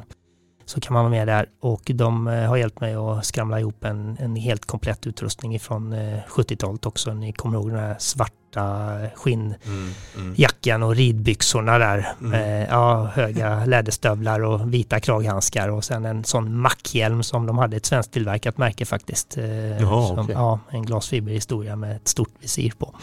Så att, eh, och vitt koppel såklart som det skulle vara på den tiden. Så det är prydligt. Eh, Den rullar 100 mil om året där då, men det, det är högtidsstunder när man får ut den och bara finåka lite. Till och från mjukklassstället. Jaha. Typ, Typ. typ. så. Så det är ett axplock. Sen står det någon pendlarskoter till och från jobbet eh, och annat sånt där också. Som, men Han är fullkittad. ja, man Härligt. måste ju ha en hoj för varje ändamål. Det vet ju alla motorcyklister. det låter som en vettig grej. Jaha Johan, ska vi köra tio Ja. snabba? Vi kör en liten sedvanlig avslutning här nu faktiskt. Allt roligt har ju ett slut säger man. Så att, eh, men eh, tills dess så kör vi tio snabba med Björn BG Gunnarsson. Tvåtakt eller fyrtakt? Tvåtakt är ju riktig racing även om fyrtakt har sina fördelar. Men det får bli tvåtakt. Bensin eller el? Bensin. Alla On. dagar i veckan. On eller offroad? Eh, on, om jag nu måste välja, för det är där jag har min bakgrund då. Va? Men det, ja, jag, jag kanske inte ska utveckla det. det är snabba sa du va? Ja. Ja. Kick eller elstart? Kick. Stark eller smidig? Jag tittar på min eh, egen förmåga för, eh, och det är inte för att jag är stark, men jag är otroligt osmidig. Så att, eh, då får det väl bli stark då. Enkelkuts eller bönpall? Enkelt guts, Skinn eller textil? skinn, Muller eller dämpat? rätt form av muller i rätt sammanhang, absolut muller. Wheelie eller stoppie? Wheelie. Lägga en lakrits eller äta en lakrits? Uh, lakrits är otroligt gott så att eh, det, det får bli äta lakrits då. Och sen tänkte jag att eh, jag undrar lite, vem anser du är den främste Isle of Man TT-föraren genom alla tider? Eh, och då tänker jag inte eh, eh, kanske enbart på den som vunnit flest gånger, alltså Joey Dunlop som har vunnit, eh, är det 26 Sex, stämmer. TT-segrar? Mm. Utan välj fritt, Ja. någon känslomässig grej som du tänker. Men det är lätt och det, det är Joey Dunlop. Och det är inte bara för hans 26 TT-segrar utan för att han var en otroligt eh, behaglig person. Eh, otroligt eh, ödmjuk, hjälpsam, många känner till arbetet han gjorde på 90-talet med e- eh, egna hjälpsändningar som han skramlade ihop uppe på Irland och Nordirland där uppe och körde i sin egen skåpbil ner och lämnade i Rumänien där till barnhemsbarn och annat sånt. Han gjorde mycket sådana här grejer eh, under ytan, inte för att få någon uppmärksamhet eller någon cred utan bara för att han ville vara en bra eh, snubbe helt enkelt. Så att eh, ja, det är ett lätt val, Joey Dunlop. Och det, är liksom om man inne på Dunlop så är det ju en ganska tragisk historia där på något sätt ändå. Eller spännande historia. Jag tänker på han dog och sen så en av sönerna dog och nu har vi Ja, det, det, finns väl två dynastier kan man väl säga inom eh, landsvägsracingen, framförallt King Isle of Man. Och det ena är Jeffreys eh, dynastin där som eh, säkert många förare känner till. Eh, med, ja, eh, det är en lång historia för sig, men eh, Eh, Nick Jeffries och eh, David Jeffries där som eh, vann TT-lopp och även Tony Jeffries har ju vunnit. men den som fler känner till det är nog Dunlop-familjen och då hade du Robert och Joey Dunlop. Där Joey väl var den äldre tror jag. Som eh, var duktiga på 70, 80, 90-talen. Joey omkom ju tragiskt på ett landsvägsrace i Estland 2000 eh, några eh, veckor eller någon månad efter att han hade tagit, vad var det, tre TT-segrar, sina tre sista TT-segrar på Ironman våren 2000 då. Och eh, Robert Dunlop körde ju vidare fram till han omkom på Nordwest 2008 och sen så har du Roberts bägge söner eh, Michael Dunlop och William Dunlop som, eh, som har fört fanan vidare. Där det, ja, nu är det ju Michael som, som finns kvar där va? eftersom eh, eh William eh, omkom på Scarries tror jag 2017 eller 18 där någonstans. Eh, så att innan pandemin i alla fall. Så att, eh, men eh, Michael han är ju på god väg att gå ikapp och slå sin Uncles 26 TT-segrar. Han har väl ja, 21 eller något sånt där idag. Att, och han är inte så gammal heller. Han har ju inte eh, 30 eller något sånt där tror jag. Så att eh, han har många år som, de flesta TT-förarna är ju som bäst någonstans mellan 30 och 40 där. Det kräver rätt mycket erfarenhet att bli duktig där borta. Så att. Mm. Jag tänker om vi bara skulle avrunda, jag vet att du rekommenderar ju inte någon att köra Isle of Man. Men ändå, hur, hur ser vägen ut dit för en som vill köra Isle of Man TT skulle du säga? Ja, eh, men det finns olika sätt eh, att, att göra det på. Men eh, det jag rekommenderar det är att göra det i rätt ordning så att säga. Börja med att bli duktig hemma i Sverige och liksom kanske ut och känna på lite EM eller annat sånt där va? och bli så bra som möjligt på vanlig banracing. Ta med sig de erfarenheterna. Det finns eh, lite snällare lopp man kan eh, köra. Ett av de eh, lättaste att börja med är Fråburg. Nere i, det går på i stort sett på bara runt på vanliga åkrar nere i Östtyskland där. Eh, och vi har Imatra som jag också har kört eh, som är ett, eh, det sista landsvägsracet som gick i VM. Jag tror det var 1982 man körde sista deltävlingen där.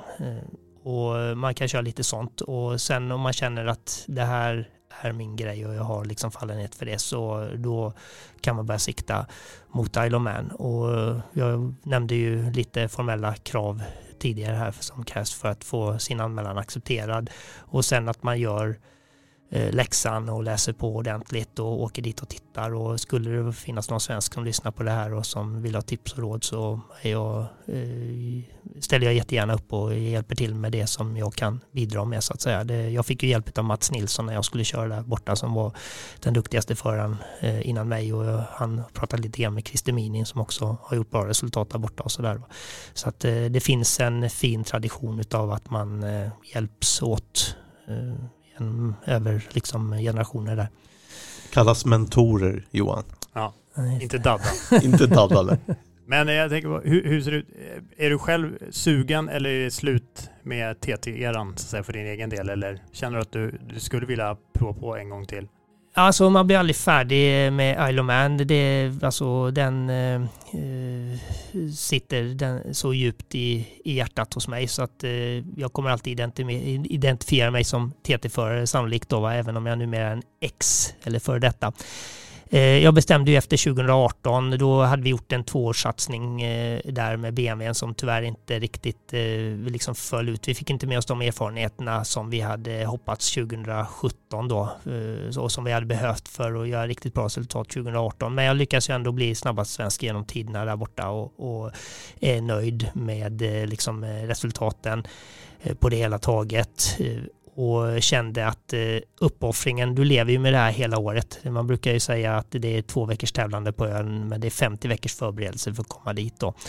Och det är otroligt mycket pengar. Ni frågade innan om budget och jag har aldrig gjort någon riktig sån budget eftersom jag alltid har liksom eh, tävlat som amatör. Du undviker så, det som att det är, ja, det är en dyr historia? Det är det, men ja. jag tror att när vi byggde BMWn där så gjorde vi väl ett överslag och landade någonstans på eh, en bit över 800 000 tror jag. Men då hade vi inte, då Eh, Eh, var det saker som, som man kanske inte räknade in då som man kanske borde funnits med och alla som hjälpte mig har alltid hjälpt mig utan ersättning och sådär. Så att det har ju byggt på det engagemanget runt omkring. Men jag har haft ett fantastiskt stöd, inte bara av mina närmsta vänner utan ett eh, bra support ifrån Svem och ifrån eh, liksom hela ja, kompisarna i SM-depån och, och i Classic Racing-depån och sådär. Så att det ja, eh, det finns hjälp att få, men eh, gå in med en ödmjuk attityd så, och gör det för upplevelsen, inte för att göra några resultat eller något annat sånt där, utan för att man vill ha sett det från insidan och varit en kugge i maskineriet där.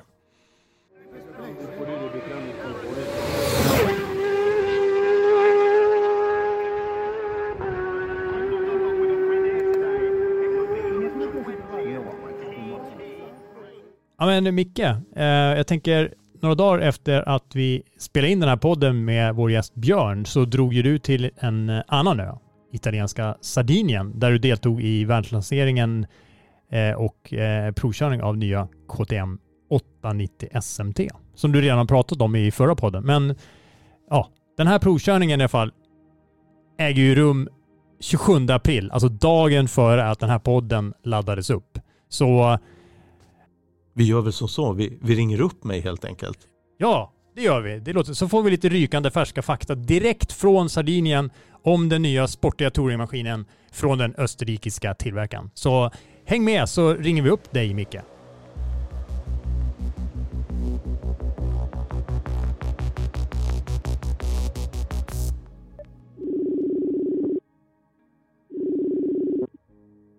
Ja, Micke. Tjena Micke, Johan här. Hemma i... Tjena Johan! Hemma i ett grådaskigt... Vi fick en käftsmäll till här. Eh, men Nej, du... Då, då, då, då skäms jag nästan att meddela att eh, här på Sardinien har vädret varit helt perfekt. Ja. Sol, 21 grader, eh, inte så blåsigt som det var dagen innan här vi kom hit. Då var det tydligen väldigt blåsigt. Ja. Vi har haft fantastiskt väder här. Och eh, du är ju där av en anledning. Du är där och kör en helt ny motorcykel som vi redan har pratat om lite ja. då. KTM 890 SMT och jag skulle bara vilja säga innan vi går in på hojen Johan. Eh, jag har ju aldrig varit på Sardinien eh, och jag fick ju höra att det skulle vara eh, fina vägar och gosse vad det har varit fina vägar. Mm. Jag tappar räkningen på alla kurvor vi har kört i här men det har ju varit som en berg och dalbana. Ja. Och eh, den här motorcykeln då 890 SMT, den passar perfekt för ändamålet. Alltså vilken enormt lättkörd motorcykel och vilken fantastisk kurvhoj det har varit. Ja. Det var faktiskt på Sardinien som jag myntade uttrycket välkurvade vägar. Någon gång för länge Jaha, sedan. ser man på. Ja, jag var där. Ja, det, kan jag stryka, det kan jag stryka under. Ja, det var när jag var där och provkörde en hoj som jag i alla fall började använda det ordet. Eh, att det var en kurv, alltså en, en maskin som är gjord för välkurvade vägar, så att säga. Och den som vet, vet vad jag menar med välkurvade vägar, helt enkelt. Ja. Så tänker jag. Men det var inte det vi skulle prata om. Eh, berätta Micke, vad är det för hoj egentligen? Vad, vad, vad är KTM 890 SMT? Eh, utan att gå in allt för mycket i detalj kanske, men, men lite grann sådär. Nej, men eh, vi har ju pratat om det och vi nämnde ju det i en tidigare podd också. När vi skulle förklara vad SMT står för då. Och mm. det är liksom, det handlar om en supermotor då. då. Så ja. det är ju liksom ett eh, offroad-DNA i den här hojen. Och sen så har man satt på eh, 17-tumsfälgar då och eh, Michelin Power GP-däck på det här så det har ett riktigt bra fäste.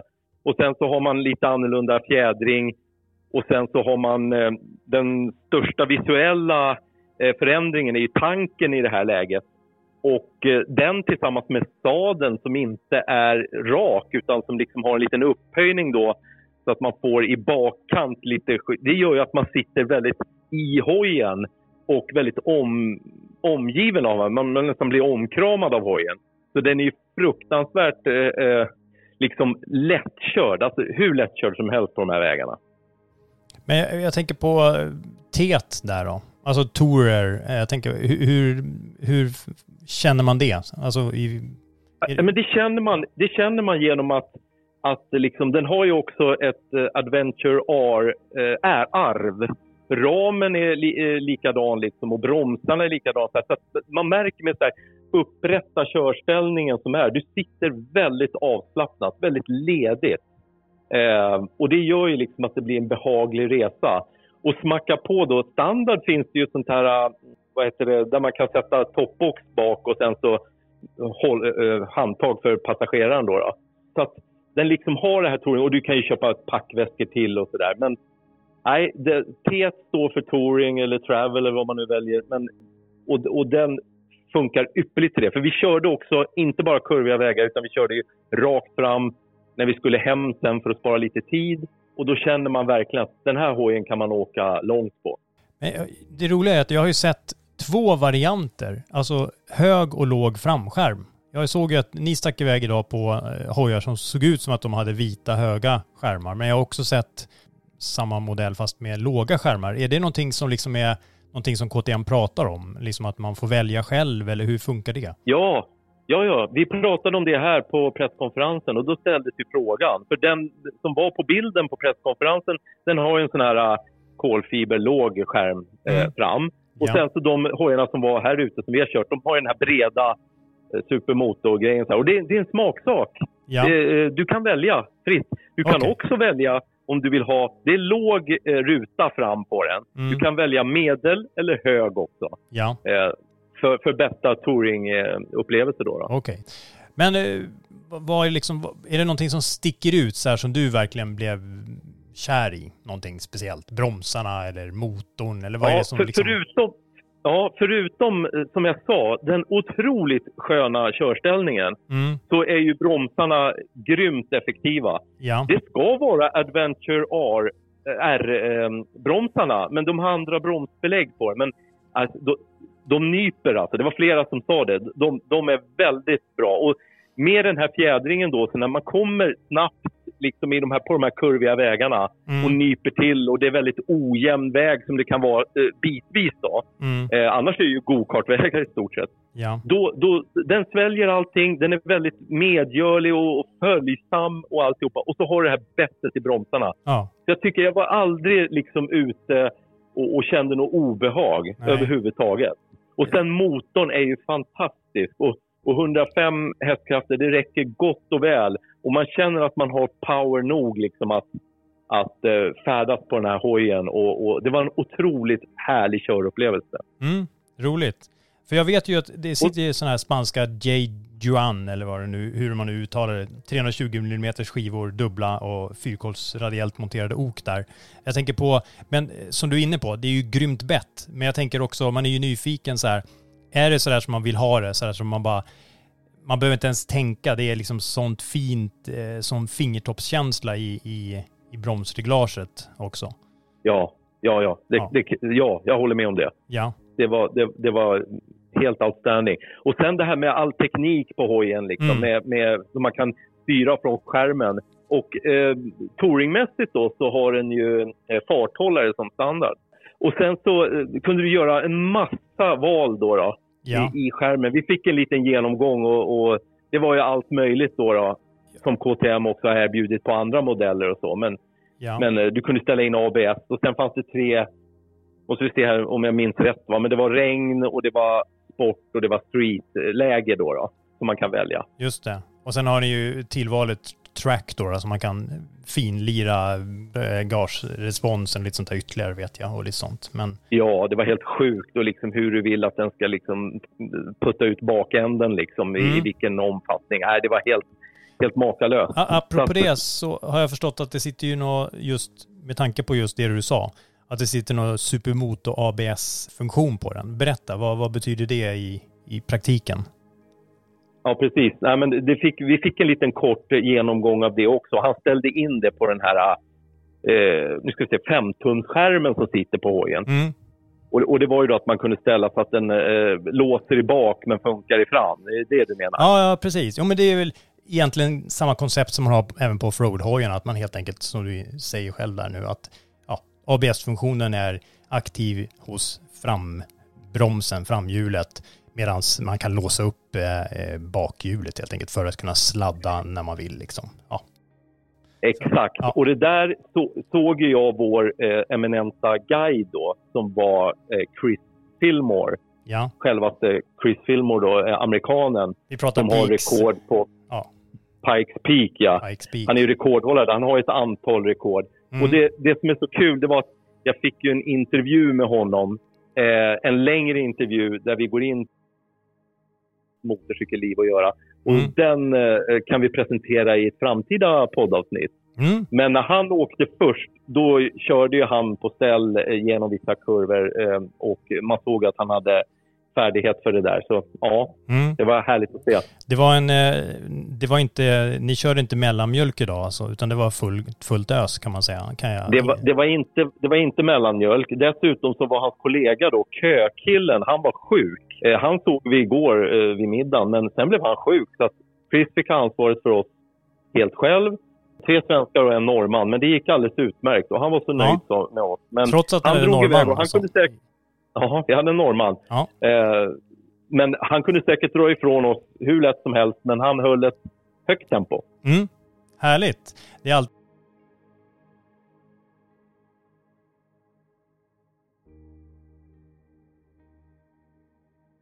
Eh, och ja. Eh, som vi har eh, inte minst träffat i den här avsnittet av podden, när vi, jag tänker på Björn då, då som vi har pratat med här. Eh, och det är alltid Exakt. häftigt att få åka med den typen av förare såklart. Eh, och, ja. Men, men, ja, och sån, och sån ödmjukhet som de besitter liksom och ändå kan förklara saker och, och berätta. Liksom. det är otroligt intressant. Mm. Men jag tänker på komforten, du var ju inne på det lite grann, körställning och sådär, men fjädring och sånt där, om man tänker jag tänker supermotor för mig känns liksom, eh, jag ska inte säga stötigt, men, men det, liksom, jag förstår att det finns lite justermöjligheter eh, på hojen och så, men... Det, alltså den sväljer hål och den mm. sväljer mm. ojämnheter, den sväljer eh, kraftiga inbromsningar. Så att Mm. Nej, den gör gott och väl. Det, det, är en lite längre framgaffel på den där rackaren för att de skulle få till korrekta vinkeln och sådär. Ja. Och sen eh, lite hårdare fjädrar i, eh, om jag nu lyssnade helt korrekt. Ja. Så att, jag tycker att det var en ytterst behaglig resa. Mm. Jag, jag, är helt såld. Det är flera som är det här. Ja, fantastisk roligt. maskin. Ja, ja, fantastisk maskin. Ja. Och den var så lekfull på något sätt och, och väldigt... Eh, ja, man blev inspirerad av körningen. Det, I mina öron så låter det som en sån här maskin som man skulle kunna ha till och från jobbet om man nu jobbar i närheten eller bor och kanske jobbar i närheten eh, ja, i en storstad eller något sånt där man härjar runt där inne. Och sen så drar man på semester eh, från Sverige genom Tyskland eller något sånt där och så hamnar man i Alperna. Eh, det låter som en sån hoj som det är möjligt att göra allt det där på. Stämmer det? Ja, definitivt. Jag håller med, jag håller med dig fullständigt. Perfekt liksom pendlarhoj. Mm. Och sen så drar man, och då ska man ha långt till jobbet känns det som. För alltså, man vill ju bara köra. ja. eh, och sen så bara dra iväg. Nej, det var, ja, jag vet inte. Jag ska inte låta för begeistrad här kanske, men det var verkligen super. Mm.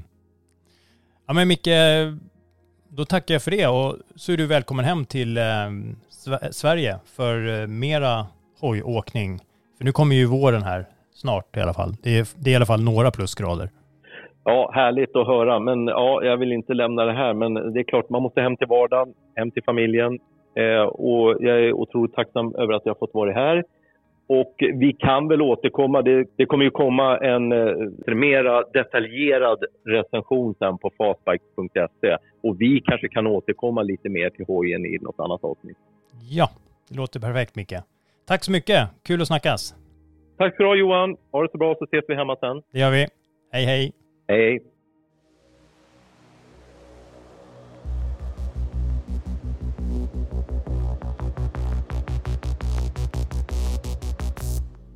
Ja, och eh, där fick vi alltså lite kött på benen och eh, ja, det låter ju onekligen som en eh, spännande nyhet från KTM. Så, men jag tänkte också att vi passar på här och kör en liten påminnelse om Start to Ride, det stora provkörningseventet som arrangeras av motorcykelbranschen MCRF. Vi, vi, har ju nämnt det i flera avsnitt ja, här nu. Vilka datum var det Johan? Det är alltså första här nu eventet äger rum 6-7 eh, maj, lördagen och söndagen 6-7 maj på Stora Holm utanför Göteborg.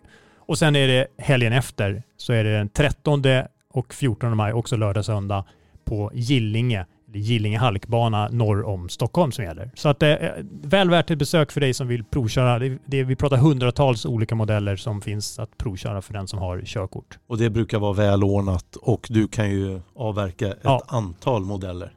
Mm. Så att eh, väl värt ett besök för dig som är lite sugen på att klämma och känna och se om inte annat eh, de, alla nyheter som finns där ute. Så att, mm. ja, härligt. Och med de orden Johan, är det dags att avrunda? Ja. Då tackar vi Björn Gunnarsson så hjärtligt för att du ville hänga med oss idag. Ja, det har varit fantastiskt kul. Roligt. Nej, men vi ses där ute på vägarna. Så det gör vi. Vi hörs. Ha det bra Björn. Detsamma. Tack så mycket. Tack. Tack. Hej.